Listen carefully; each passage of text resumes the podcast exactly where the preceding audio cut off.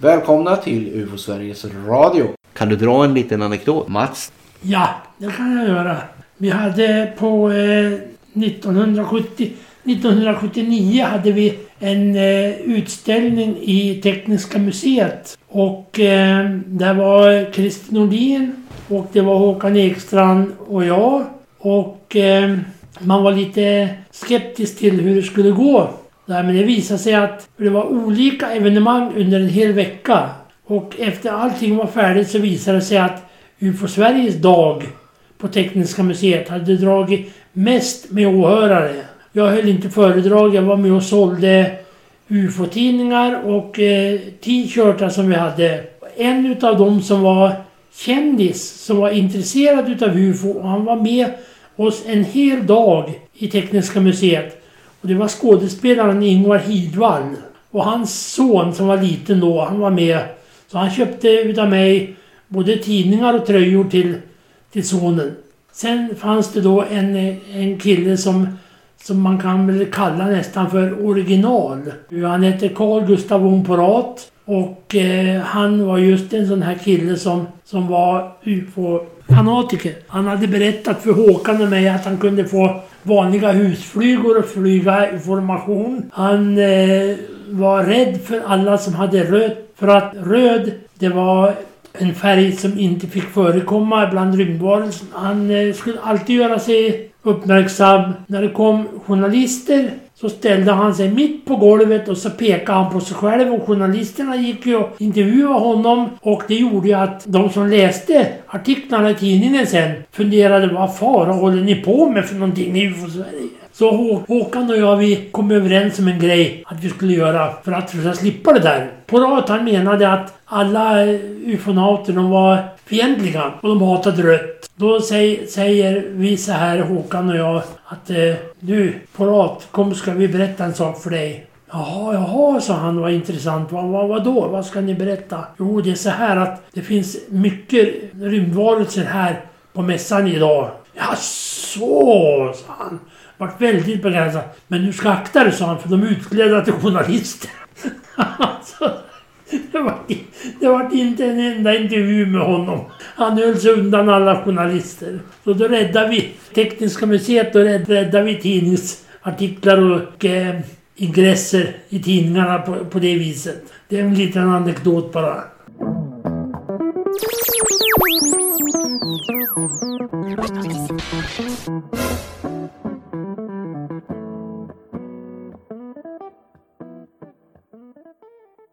Så där börjar vi dagens avsnitt av UFO Sveriges Radio med Mats Nilsson.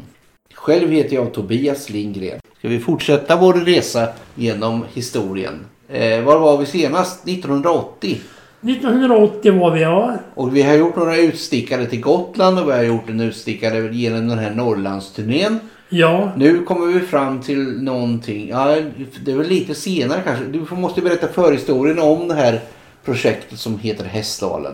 Det visar sig att Norge har också en UFO-organisation som heter naturligt nog UFO Norge.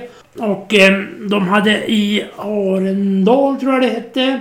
Och eh, några andra platser så hade man haft UFO-flappar som det kallas för. Det är ställen, mindre ort där det ofta förekommer eh, oförklarliga händelser.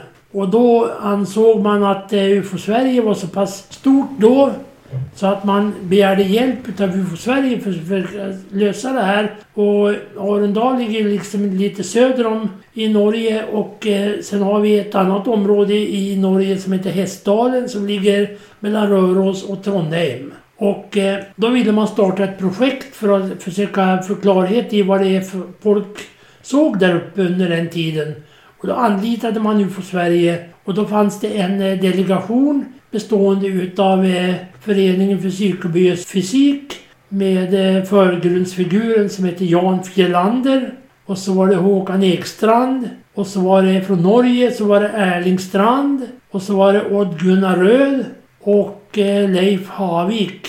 Och eh, det bildades då en projektkommitté som skulle eh, då försöka att eh, försöka få klarhet i vad det är för någonting som man man såg där uppe.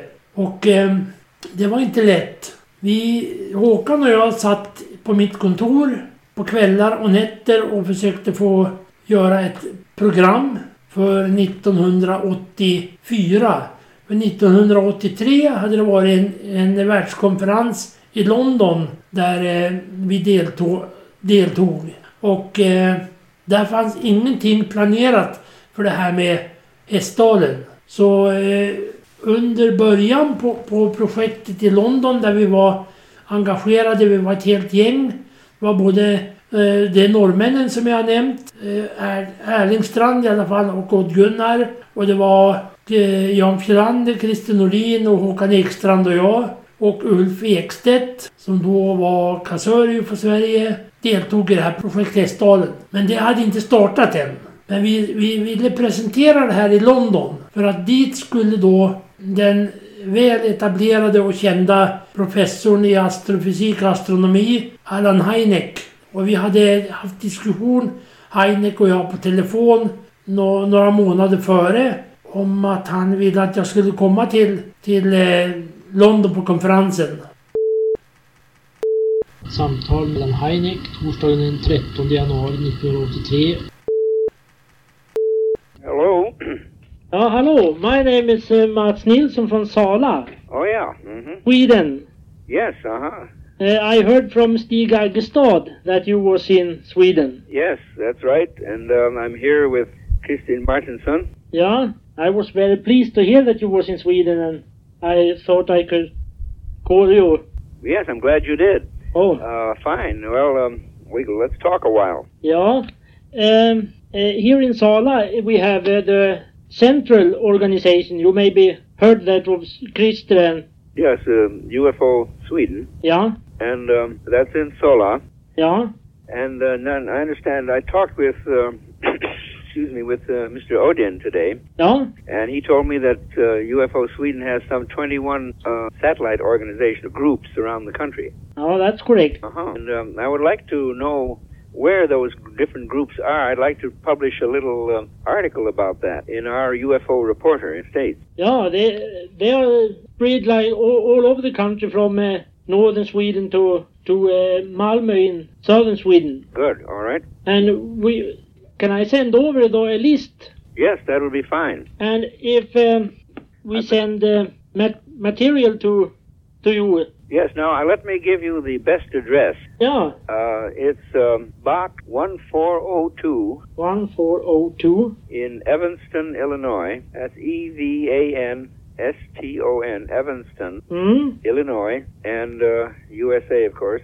And the zip code is 60204. Six zero two 04. zero four. And that's all you need. Oh, thank you. And uh, if you send something to Sweden, it the best address is to UFO Sweden, Uh-huh. and uh, you have a pencil. I'll have one in just a second. Okay. I'll have a piece of paper here in just a second. I have the pencil but no paper. hmm. Well, wait a second. I can use part of my little book. Hmm? Uh, all right, here comes the paper. I got it now. Hmm. All right, go ahead. It's a UFO Sweden Uh-huh.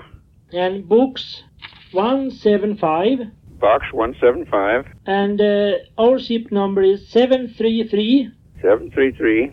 00. 00. Sala. Sala. And Sweden. Uh huh. Wait a second. Uh, it's S O L N A, huh? Hmm? S O L N A. Solna. Uh, no, Sala. S A L A. S O L A. Uh, S A. Oh, S A. Uh, L A. L A. Sala. I got it now. Finally. Good. Oh. Fine. Uh, can I ask you? Uh, I read in the Swedish magazine about the American astronauts Yes, uh-huh. that they seen some UFOs on their trips. Well, um, that's partly so and partly not so. Now, none of the astronauts that I know of have seen anything on the way to the moon. Uh huh. However, I have talked with three of them. Jim McDivitt, Yeah. he definitely saw something on his Gemini trip around the Earth. Mm. And then uh, Gordon Cooper uh, had quite a sighting on the ground when he was in Germany. Yes. And uh, Deke Slate, who was um, in, uh, in charge of the shuttle program, in charge of part of it, uh, had a very good UFO sighting while he was flying an F-51 fighter plane. But uh, I don't know of any uh, any astronaut who has had a uh, sighting in orbit to the moon. There have been some reports of that, but they've all denied it. Yes, I heard, uh, especially about Edwin Aldrin. Yes, uh, they um, there have been a lot of rumors, Yes, I can understand that. but uh, in this field we have to be very careful about rumors and uh, try to stick to facts. The facts are that um, I don't know. Well, the facts are that any that the astronauts have denied. Now, whether they're doing that because they don't want to talk about it, I don't know. But uh, uh, I do know that Dick Slayton has talked to me about it. Gordon Cooper, I've talked with it quite a while. Uh, Jim McDivitt, I've talked with him quite a bit. Now, the Jim McDivitt thing is rather interesting in that the photographs that were published are not what he saw. He told me that the uh, what you see in magazines as the Jim McDivitt sighting photograph was not at all what he saw. He Hmm. saw a cylindrical thing with a sort of a tube sticking out the back of it, uh, vertically perpendicular to it. And he said he went through all the NASA photos uh, the, the, the, uh, from his camera Yeah. and he couldn't find what he saw anyplace. He doesn't know whether the camera misbehaved or whether somebody took those photos out. Yeah. But the photo that's been published as his sighting, not. Ah, I can see. So that's the situation. So it's a yes and no situation. Mm, I see. And uh, from to another thing, here in uh, Sweden, you heard about uh, URD, maybe. Oh, yes, yes. In fact, I had a long talk today with Bertil Kuhlmann. yes, yes, I I know him too. He's a very nice person. Yes, he is. And uh, we also, you maybe heard, we have about three thousand members. Yes, I have. I've heard that. And uh, I, I mentioned to uh, Mr. Odin, who I talked with today, Hmm? and I was uh, said I hope that we could consider uh, we could establish a close cooperation between UFO Sweden and the Center for UFO Studies, a frequent exchange of information. To that extent, I will send you on an exchange basis uh, the UFO reporter in exchange for UFO Actuel. Yes, it would be lovely. Thank you. Good. And uh, we also have, for our membership here, we have a, a little computer for the membership here in Sala Uh huh.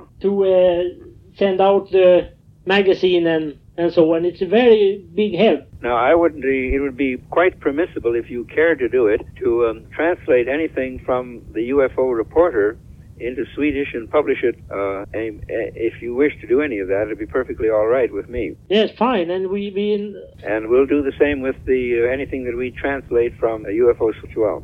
Well, that's okay. Good. Well, this is fine. Now, I've been uh, I was anxious to get some uh, interesting Swedish case. Now, there was one that I heard about today. Ja, Uh, Helsefors. Helsef- ja Hällefors. Hellefors, Yes, yeah. Uh, I'd like to get uh, information about that. yes. I, I heard it from from uh, Christian Nordin today. He he he was going to uh, translate. Oh, very good, very good. I, I, I hoped he would do that. Yes, he, he will, and he sent to you. Good, excellent, excellent. Now, um, I understand that there have been some interesting activity in a little town in northern Norway. You know anything about that? Yes, it's a little place called Hessdalen. How, Dalen? Uh, Hess, Hessdalen. yeah, Norway. And it has been uh, very much activities every day. Uh-huh. It's uh, flashing lights, and uh, we have uh, a woman in from from U- UFO Sweden was over there uh, in the late '82, and uh, she come up there. It's a very high mountains, and she come up there and um, she saw a couple of UFOs at the same time. She she said to me, "I don't know which I should look at." yes. Now I want to get the spelling of that name in Norway. Uh, Christian, uh, Christian says he has it, yeah. so I don't. I don't need to bother you. He, Christian says he has it here. Oh, and uh, the man in, in Norway, I don't know if you have his name or something. You maybe, Yeah, I'd like to have that. Yes. yeah, it's uh, his name. It's Leif Harvey. Well, I'm sure he have a lot of, of uh, cases there he can send to you. Good. Now, do you um, uh, are you planning to be at the Bufora meetings in August in London? Uh, I can't really say yet, but it would be very nice if I could. Yes, I I will be there definitely. Yes, I heard it from Steve that you should be there. Yes, and uh, and uh, Bertil Kuhlmann, of course, will be there, Yes, and I'm hoping several others. Uh, Odin said he might be there, yes, so it'll be fine. We'll have quite a meeting. yeah, would be nice. I see what I can do. Yes, I hope you I hope you can make it.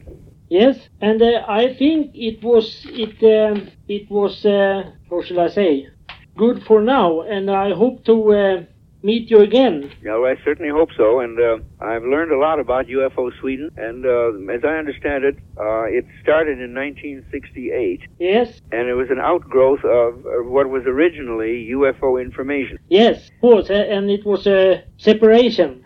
Separation, then, yes. Well, those things happen. Yeah, and uh, UFO information left UFO Sweden. See. mhm. We we started up UFO Actual at this time. Yes. All right. Well, thank you very, very much for calling.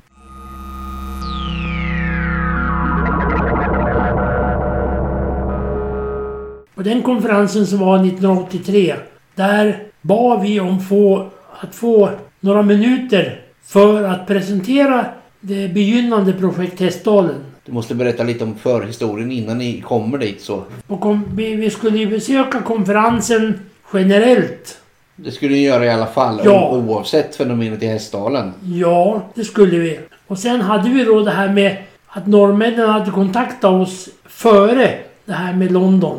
Och då ansåg vi att det var en idé att presentera det här projektet på konferensen i London för att kanske få sponsorpengar. Och eh, där, därav att det blev en liten presentation Men på... de här personerna i London och alla de andra vet, visste de vad Hästdalen handlade om? Vad de här fenomenen i Hästdalen var för någonting? Det visste de inte då. Ja, det är det vi skulle presentera då för, för, för alla de som var i London. Och det var ju UFO-kongresser från hela, hela världen. Det var Amerika, Alan Hynek från Amerika, Stanton Friedman från Kanada. En massa andra e-, europeiska UFO-organisationer som var där. Belgien, Tyskland och så vidare. Och så vidare. Och så engelsmännen givetvis. Och eh, det slutade med att eh, Projekt Hästdalen bildades i London. Och sen så vart eh, starten satt till året efter. Februari 1984. Då skulle vi köra igång Projekt Hästdalen. Och då var det mycket förarbete mellan konferensen i London och till den 15 projektet som skulle börja då februari 1984. Och det var då Håkan och jag satt på vårt kontor och dividerade och pratade med olika företag om, om att låna grejer och sånt där. Hästdalen ligger i samma höjd ungefär som Sundsvall i Sverige då. Det var ganska kallt på vintern där och februari är ju den bistraste månaden. Så vi skulle ordna kläder och vi skulle ordna utrustning och eh, de som var bäst att ställa upp det var ju naturligtvis norrmännen. Vi kontakt, tog kontakt med försvaret i Sverige om att låna grejer. Och det gick väl så där. Vi fick väl låna lite kläder, varma kläder och sådär. Men eh, i Norge fick man låna mycket mera grejer och man till och med ställde upp med, med eh, under projektets första del så var det ju mest då norrmännen som hade skotrar och eh, lite sådana där hjälpmedel. Och vi hade tält. Vi hade fått ifrån, fått låna ifrån försvaret som låg under NATO. Vi hade ett antal, två eller flera 20-mans tält som vi monterade upp. Och så hade man hus, en husvagn som eh, bas med lite instrument och sådär. Jag var med då en utav veckorna där och så Håkan och så Christer och några mera ifrån UFO Sverige. Och det registrerades en del UFO-fall under den tiden som fotograferades. Och man hade något gitter för, för eh, kamerorna som skulle kunna... Man kunde se olika... Vad det var för, för olika sorters ljus och så vidare. Och det märkliga var att det var varit mycket fotografier tagna utav just olika fenomen uppe i Hästdalen. Någonting som var märkligt var att vid något tillfälle så kom det flygplan och det var UFO-fenomen som hade ljus. De mätte flygplanen. Och det är en sak som är väldigt svårt att förklara. Men i övrigt så, så eh, hade vi en del tankar på vad det kunde vara i och med att grunden uppe i Hästdalen, marken innehöll mycket kvarts. Och det var lite så här, eh, marken var lite ostabil. Så man kunde, man kunde få eh, små jordskalv. Vilket gjorde att eh, när kvarts eh, liksom pressas mot varann så uppstår det ljusglober, ljusfenomen. Och att det kunde vara en del utav själva Hästdalen-fenomenets ursprung. Och de här fenomenen hade upptäckts då redan långt innan. Ja, precis. Men vet man när det började? Ja, man började på att registrera 82 i södra, Dal, i södra Norge och uppe i Hästdalen. Och det var så pass påtagligt att man ville ha ett projekt om det här för att ta reda på vad det var. Ja, man ville, man ville försöka få reda på vad det var för någonting som alla människor såg. Ja. De, de sa ju det i Norge att det är inget intressant att titta på TV. Vi tittar genom fönster istället. Det är mycket intressantare. UFO Norge fick då in en väldig massa rapporter Ja, därifrån. det fick de. Och då, då bestämde man att man skulle dra det här i London på den här världskonferensen. Ja, Och ni tänkte åka dit oavsett om det här hade skett eller inte. Ni var där för eget intresse. För, ja att, vi var det för eget intresse. ja, för att träffa andra och, och eh, lära er och förkovra er på...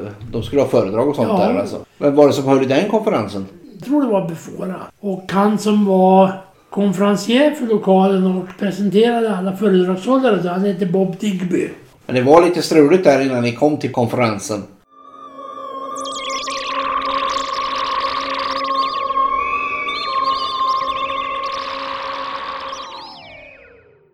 Jag måste berätta lite grann om Janne Filander och hans, hans eh, tidtabeller. En gång så skulle Janne Filander och Håkan åka någonstans med tåg. Och eh, de skulle åka tåg som sagt och eh, de eh, står och väntar på perrongen och alla är framme som ska med tåget. Utom Janne Filander. Och konduktören han säger att stäng dörrar för avgång. Och Håkan han säger till konduktören att kan kan ni vänta en liten, liten stund för att vi har en kille som ska med tåget. Och han kommer alldeles strax. Ja, sa, konduktören, eller stinsen som det heter på den tiden. Det kan inte bli lång stund men vi väntar väl en liten stund då. Ja, och så rätt som det är så säger Håkan så här att där borta kommer han springande. Överrocken fladdrar. Där. Han ska med tåget. Ja, Okej, säger, säger stinsen. Och då var det manuella dörrlås. Så man, eh, det var inte låst så man kunde öppna dörrarna. Så, så eh, eh, de öppnade dörren och Janne Filander kom in. Och tåget startar. Och så kommer samma man kommer och tar upp biljetter. Och så kommer han till, till, till Håkan och Janne Filander. Och så, och så eh, tar han deras biljett och klipper. Och samtidigt så säger han så här till Håkan. Att det är konstigt det här. Folk gnäller om att tåget aldrig går i tid. Men idag har, har, har vi inte ens fått gå när vi kom i tid. Det var liksom en liten grann hur, hur den här killen är då.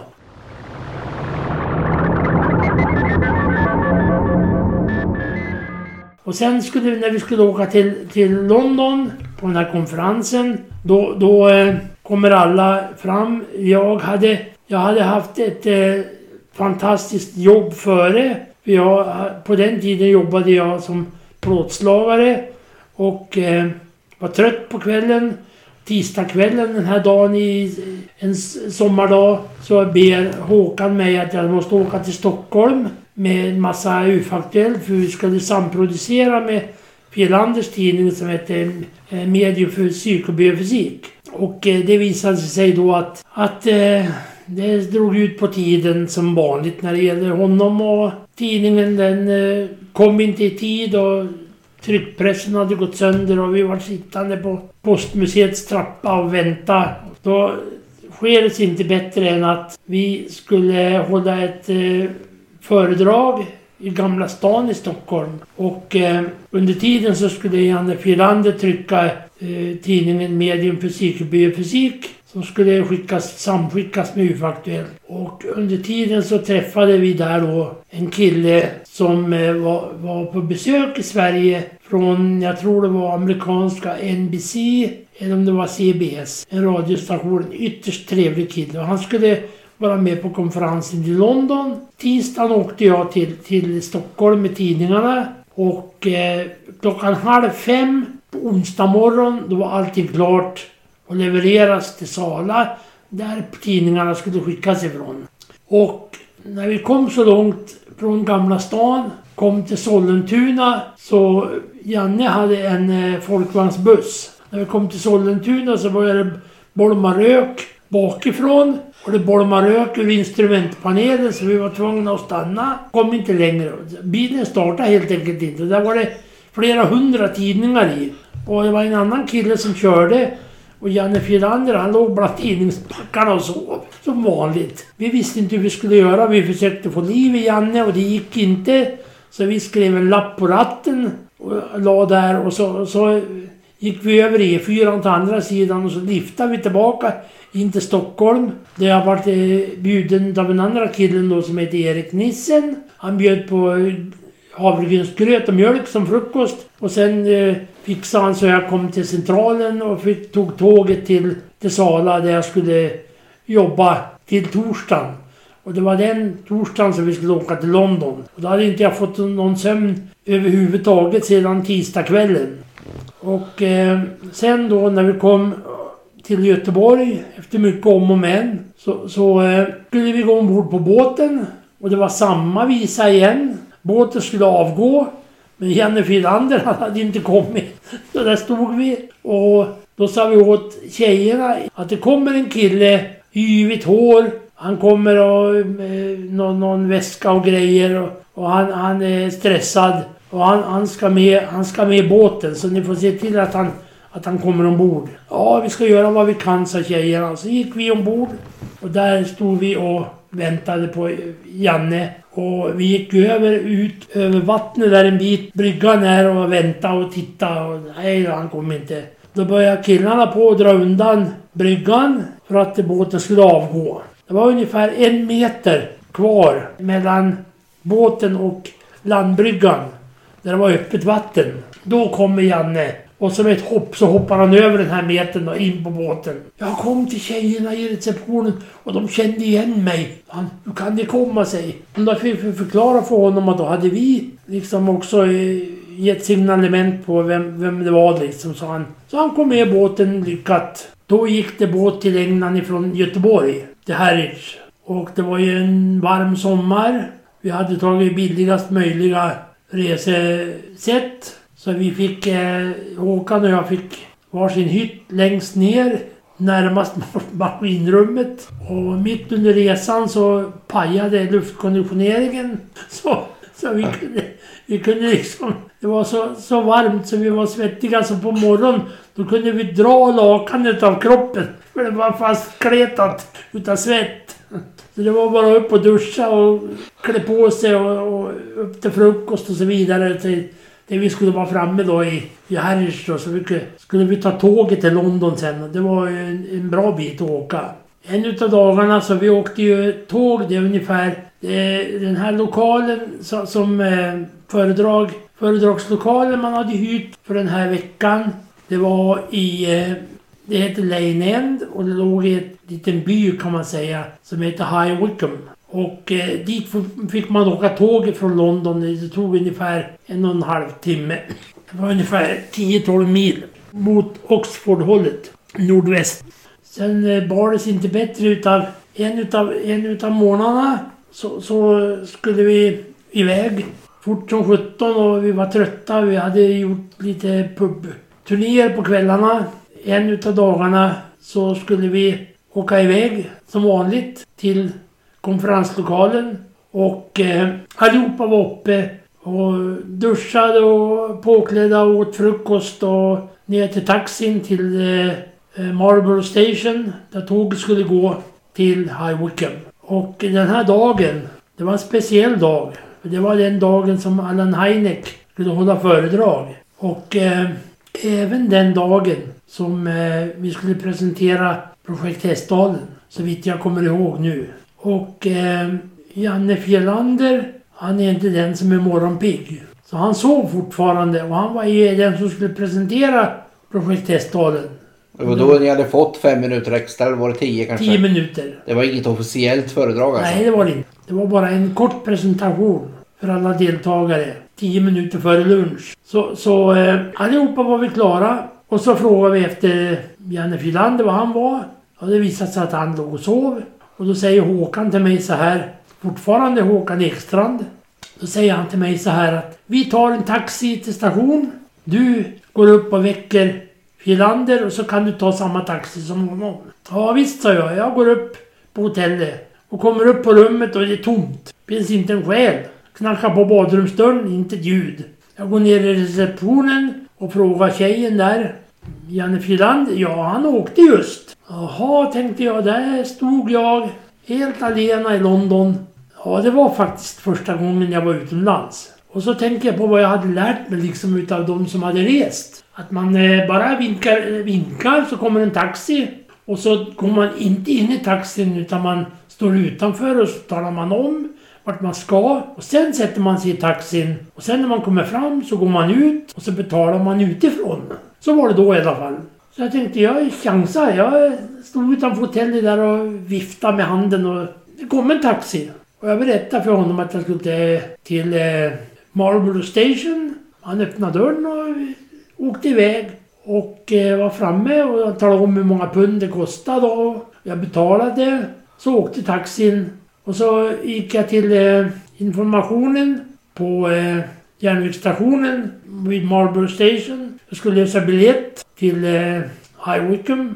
Och då säger killen i eh, biljettluckan Har dina kompisar åkt ifrån dig? Och jag stod som ett frågetecken och sa ja, det har de. Tänkte inte mer på det och löste biljett. Och gick omkring där och tänkte det är 50 minuter, en timme till tåget ska gå. Så jag låtsas vara engelsman och går och köper en Daily Mirror i en kiosk och sätter mig på en bänk och läser tidningen. IRA hade sprängt en bomb i London och vi hade just precis passerat det med en buss. Så jag satt och läste om det här bombdådet. När jag såg sen att eh, tiden började närma sig att gå upp på perrongen. Och eh, där står ett tåg.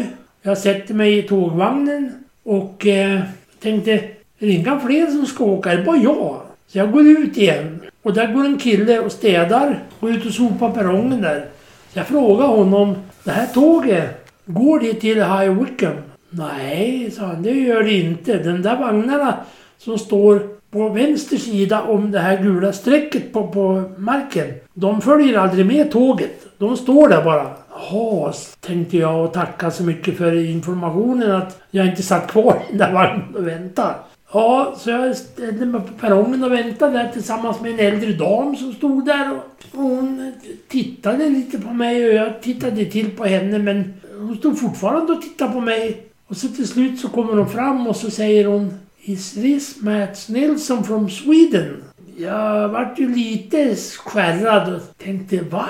Jag är ingen större kändis. Jag är ingen kändis alls förresten. Kunde hon känna igen mig? Jag erkände bara det att det var jag. Och så var det då, precis då kom tåget. Så vi hoppade på tåget och noterade att hon hoppade på samma tåg. Och sen åkte vi till eh, High Wycombe, klev av där. Jag tänkte, nu måste jag ta mig till den här Lane End, den här lokalen som ligger några kilometer bort. Så jag går fram till några killar med en taxi. De sitter där och har inget att göra så de sitter och spelar kort. Och så säger jag det att jag skulle vilja ha en bil till eh, Lane End. Nej, säger den ena killen. Du ska inte alls åka med oss. Du ska åka med han som står där borta.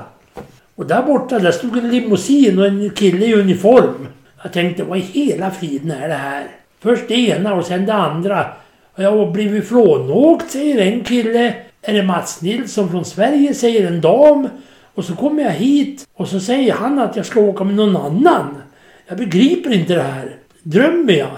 Eh, så jag gör som, han, som taxikillen säger. Jag går till den här killen då och, tänkte väl han, han, han måste ju tro att jag är knäpp. Ja, han öppnade dörren och så frågade han om det, om det är Mats Nilsson från Sweden. Så, säger jag. Och så öppnar han dörren. Jag hoppar in i den där fina limousinen och han åker iväg och sitter och pratar och frågar hur, hur det är att vara i England och sådär. Och jag tänkte, hur vet han var jag kommer ifrån? Jag är ganska skaplig på engelska alltså. Och sen frågar han, frågar han helt plötsligt om jag vill se hans grönsaksland. Nej, jag har inte tid, sa jag. Jag ska på en, på en konferens. Ja, men vi åker precis förbi mitt hem. Jag bor här, sa han och pekade sen. En bit bort. Ja, får jag bjuda på te? Nej, nej, säger jag. Det har jag inte tid med. Nej, men jag ska av ett tag, sa han. Kan vi, kan jag visa dig, sa han lite grann. Och han, han hade en stor fin trädgård och mycket, mycket alla möjliga saker. Det var morötter och det var rädisor och det var krusbärsbuskar och vinbärsbuskar. Och det, det var allting. Han hade banne med allting i den där trädgården. Det var, det var hans stora intresse när han inte körde limousin. Och jag tittade och tyckte det var fint och sådär och jag var imponerad faktiskt utav hans eh, trädgård. Och så säger jag, säger jag till honom att nu måste vi faktiskt åka. För jag har en tid att passa. Okej, okay, säger han och vi åker iväg till Lane End och han släpper av mig där, går ur och jonör och släpper av mig och åker vidare. Och där kommer jag in i lokalen. Fullt med folk. Det var liksom mingel. Det var något sån här, man hade några snittar och grejer och bjöd på. Lite drinkar och sådär. Så att. Och då kommer Janne Fjällander, han som alltid sov. Då kommer han fram och ger mig en stor kram. Och då får jag liksom klarhet i alltihopa. Att, att han har lagt ut ett spår på alla ställen. Att det kommer en kille, han är svensk, han har en väska med UFO-märke på och han ska med tåget. Och så vidare och vidare och vidare fram då. Så där fick jag en förklaring för det. Men då var det fortfarande den här damen då. Hur kunde den här damen veta vem jag var? Så det grunnade jag på ett tag för. Ända till jag fick se längre fram där i både med, med folk, massor med folk omkring sig stod Allan Heine. Den kända professorn från USA, från Illinois. Så jag eh, trängde mig fram där och jag vill gärna träffa honom då. Så jag presenterade mig och sa att det var jag då som eh, frågade om man kom ihåg vårt samtal. Ja, oh nice! Hello Mats! Sådär då liksom. Och så, och så eh, tog han med armen och så ledde han iväg mig och vi pratade lite grann. Och så sa han May I present my wife? Och då, då, då visade det sig det var den här damen. Och hon tog i hand och hälsade.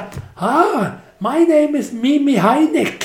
Och då frågade jag henne lite lätt liksom om det här med per på perrongen då. Då sa hon, jo, det är så här att eh, min man han får UF-aktuellt och där har jag sett en bild på dig. Så därför tyckte jag att när du var på perrongen så tänkte jag, det där måste vara han, det där måste vara Mats från Sweden.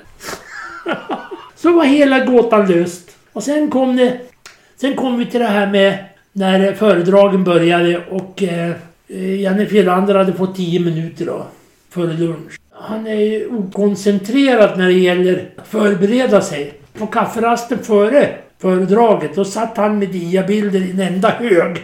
Och satt och pusslade med, med så här och sa Ja men du ska ju hålla föredrag nu snart. Ja, ja, jag hinner, säger han. Liksom, Som de säger ja men nu ska du få klart på bilderna då. Du ska ju visa. Det får ju bara ta tio minuter och ett, ett helt kassett med bilder. Ja, jag menar han liksom, det ordnar sig. Och så blir det hans tur efter tio minuter till, till lunch då mycket riktigt. Och han går upp och gör en otroligt fantastisk presentation utav det blivande projektet Hästdalen då och alla fenomen som har varit. Han visar bilder som har tagits där då. Och tiden börjar gå och jag står bakom alla i publiken och sträcker upp handen och sätter fingret på klocka, klockan så här och visar att tiden börjar gå ut, rinna ut. Och det har jag gjort flera gånger när det gäller hans föredrag. Utan att ha lyckats. Jag tänkte, jag tänkte för mig själv att det här blir katastrof. Och så kommer, så kommer eh, arrangören Bob Digby avbryter och frågar om eh, det här ser ut att dra ut på tiden. Nu är det så här att de väntar med maten i köket. Och vill ni äta mat eller vill ni höra färdigt föredraget? Och alla sitter kvar och vill höra föredraget färdigt. Och Bob Digby han menar att kökspersonalen kommer att döda mig. Wilander han höll på i 20 minuter till efter lunch och berättade om Hästdalen. Och sen, sen är han äntligen färdig. Då är det inte nog med det utan då går Allen Heineck upp på scenen och, och säger att, att det var en fantastisk presentation och att jag lägger ett antal dollar som grundplåt till att starta projekt Hästdalen med. Och sen, då har vi presenterat det här, då är vi, då är vi piskade att fortsätta. Hur det än ser ut. Det var då allting började här med, med telefonsamtal med svenska försvaret och med norska försvaret. Och, och Håkan och jag satt halva nätterna och diskuterade med folk i både Sverige och Norge. Och norrmännen var ju villiga att dela med sig utav eh, sin erfarenhet och sina, sitt material. Men svenskarna var väl inte lika intresserade så Håkan sa till mig så här Nej, svenska försvaret vill väl inte avslöja att de har en inneficka på jackorna. det, var, det var ganska, ganska roligt. Håkan har sån där humor. så, men vi fick igång projektet i februari då. Då åkte vi iväg under en vecka med kameror och grejer. Och eh, det, det fanns en husvagn uppe på eh, en av fjälltopparna där. Man, man eh, hade då som, som basstation då med lite instrument och sådär. Och då, då hör det också till, till en anekdot att min dåvarande särbo som bodde i Stockholm i Vårby gård, som är mamma till min dotter. Hon är väldigt känslig. Så hon var i husvagnen och säger till, till en utav norrmännen att det rör sig i marken. Nej, nej, nej, säger han. Det gör det inte. Det, det är en husvagn det är ju ostabil. När man går i en husvagn så rör den sig ju. Nej, nej, nej, säger hon. Det var inte det. Det var någonting i marken som rörde sig. Hon ger sig inte. Och jag säger så här, ja, men du måste ju lyssna på honom nu. Du får ju förstå vad han säger. Det är ju husvagnen det rör sig. Ska du också hålla med honom nu menar hon liksom då. Så, så sen blir det inget mer snack om det. Och så har de en fälttelefon och då ringer telefonen. Och killen som, som eh, vi argumenterar med, eller som hon argumenterar med då, vart lite arg på. Att han inte trodde henne. Han svarar och så, jaha, och så pratar han ett tag och så sitter han med luren så här. Och så vänder han så sitter han på min flickvän. En lång stund innan han lägger på luren. Vad är det säger vi? Det var, det var från Geologiska institutet i Bergen. Det var ett jordskalv här. Ja, då, då trodde han på henne. Jag tänkte det var väl husvagnen som rörde sig när man, när man rör sig lite grann där. Sen skulle vi åka ifrån eh, vårat inkvartering som vi hade. Och det var ju gräsligt med snö. Och så skulle vi åka upp till högkvarteret, den här husvagnen. Och eh, hon fick låna en bil en dag för vi skulle göra några mätningar och grejer och vara med där uppe. Och så eh, efter vägen då så ser vi två röda stolpar. Ja, tänkte vi, här ska vi åka in. Så vi svängde in mellan de här stolparna och det slutade med att helt stopp och bilen sjönk en halv meter ner i snö. Och som tur var så var vi inte själva där utan det var några televerksarbetare som var där. Och de funderade, vad vi gör ni då? Ja, vi skulle åka ut i husvagnen där sa vi och det... Men eh, den där vägen har tydligen var så mycket snö på den. Då, då säger den ena killen då. Det här är icke vägen. Det här är stolpar för eh, teleutrustning. Vägen är där borta. Men de hjälpte oss upp med bilen i alla fall. Vi var tre stycken som, de, de två killarna och jag, vi höll på att kajka bilen och hon, hon eh, lyckades få upp bilen då på, på vägen igen. Så vi kom rätt. Sen kunde vi köra in till, till husvagnen där och stanna där. Och eh, dessförinnan så tillvaratog vi tiden då i de här militärtälten. Och eh, det var inte det lättaste. Det var kallt, det var kaminer och det var blöt ved. Och jag fick order om att jag skulle elda i kaminen. Jag tänkte hur i hela friden ska det gå? Blöt ved. Jag tänkte det, det måste ju gå. Jag får inte göra bort mig nu. Så jag började på att tända en jäkla massa papper i den här kaminen. Och till slut så hittade jag vedpinnar som var något sånär torra så att jag, jag högg spint utav dem där. Och la på papper då och fick, fick så småningom så fick jag eld i den här kaminen. Det gick bra. Men såg du något av fenomenen själv? Ja, första gången vi kom upp till, vi kom upp till en kille i en stuga som heter Jon Arvid Aspås heter killen. Och där skulle vi få tillbringa första natten. Och eh, den stugan låg ganska högt. Och så låg nedanför så låg en bit utav dalen, av Hästdalen, långt ner. Och det var träd där nere och de nådde inte upp till stugan. Så pass djupt var det. Min flickvän hon höll på att packa upp våran väska. Och jag sa jag ska bara gå ut, jag är nödig, jag måste gå ut och gå runt hörnet bara. Och står där och då nere i, nere i den här dalsänkan. Där kommer ett ljussken och vandrar så här. Det kanske är någon kilometer i timmen. Och så försvinner det bakom huset. Det var, det var, och det var första kvällen. Och jag tänkte det här kommer att bli en spännande vecka.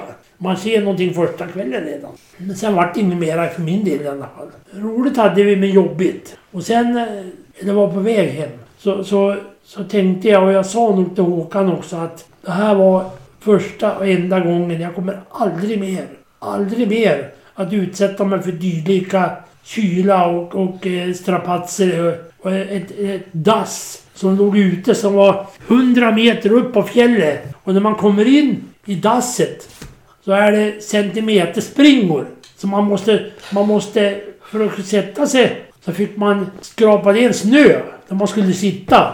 Så det, det var, gick väldigt fort. Och, och utanför där, utanför dassen när jag kom upp tidigt en morgon, då hade någon ficklampa sådär. Första man fick se runt dassen, det var vargspår. Jag tänkte, ha hit kommer jag men aldrig mer någon annanstans. Tänkte jag. Men eh, nej, jag kom, kom, det, det gick bra. Jag, man var snabbt därifrån och in i det tältet igen. Och, så, och då tänkte jag så här att jag kommer aldrig mer utsätta mig för dessa strapatser. Så kom jag hem och jag hann inte mer än hem någon dag.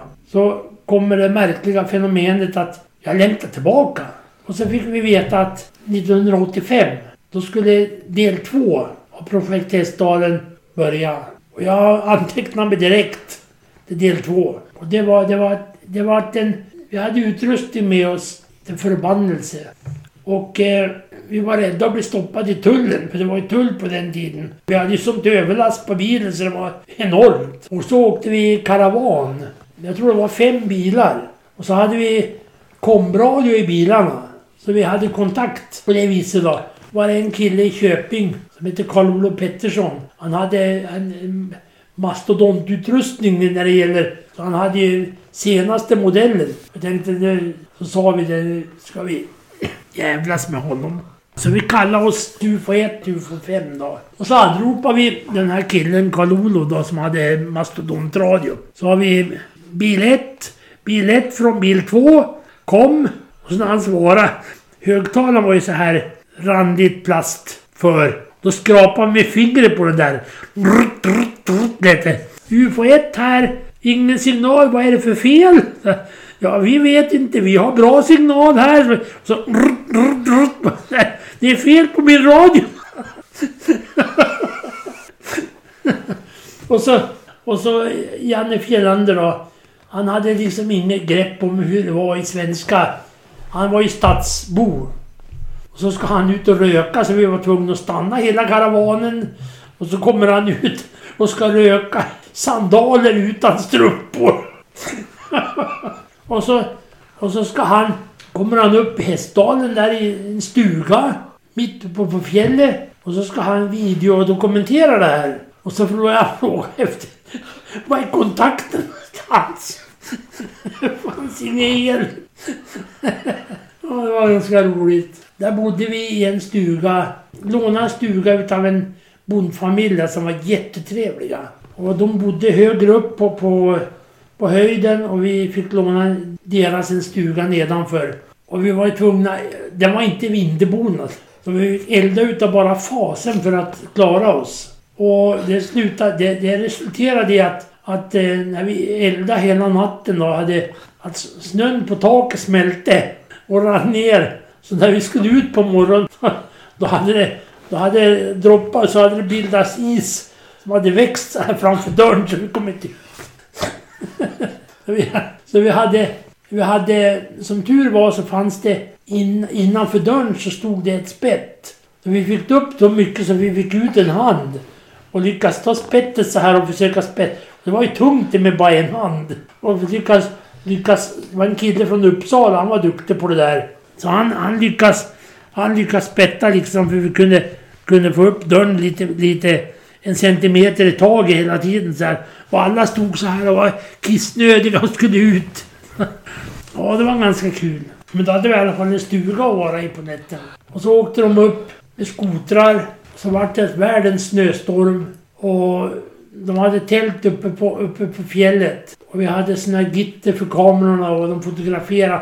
Så hade de såna här trippelmätning för avståndsmätning på, på eh, ljusfenomen och sådär. För man skulle se hur långt bort fenomenet var. Och eh, så kom de upp i, på kvällssidan och så var det världens snöstorm. De åkte upp från byn och började leta efter de här killarna. Våra, innan vi hann ringa till eh, SOS så var det en som ropade så här att vi har funnit dem, vi har funnit dem. Då hade det sig att de hade haft eh, tält och någon hade väl gått ut eller någonting så här och vinden hade tagit tag i tälttaket och där satt ju skorstenen fast och skorstenen hade delat sig.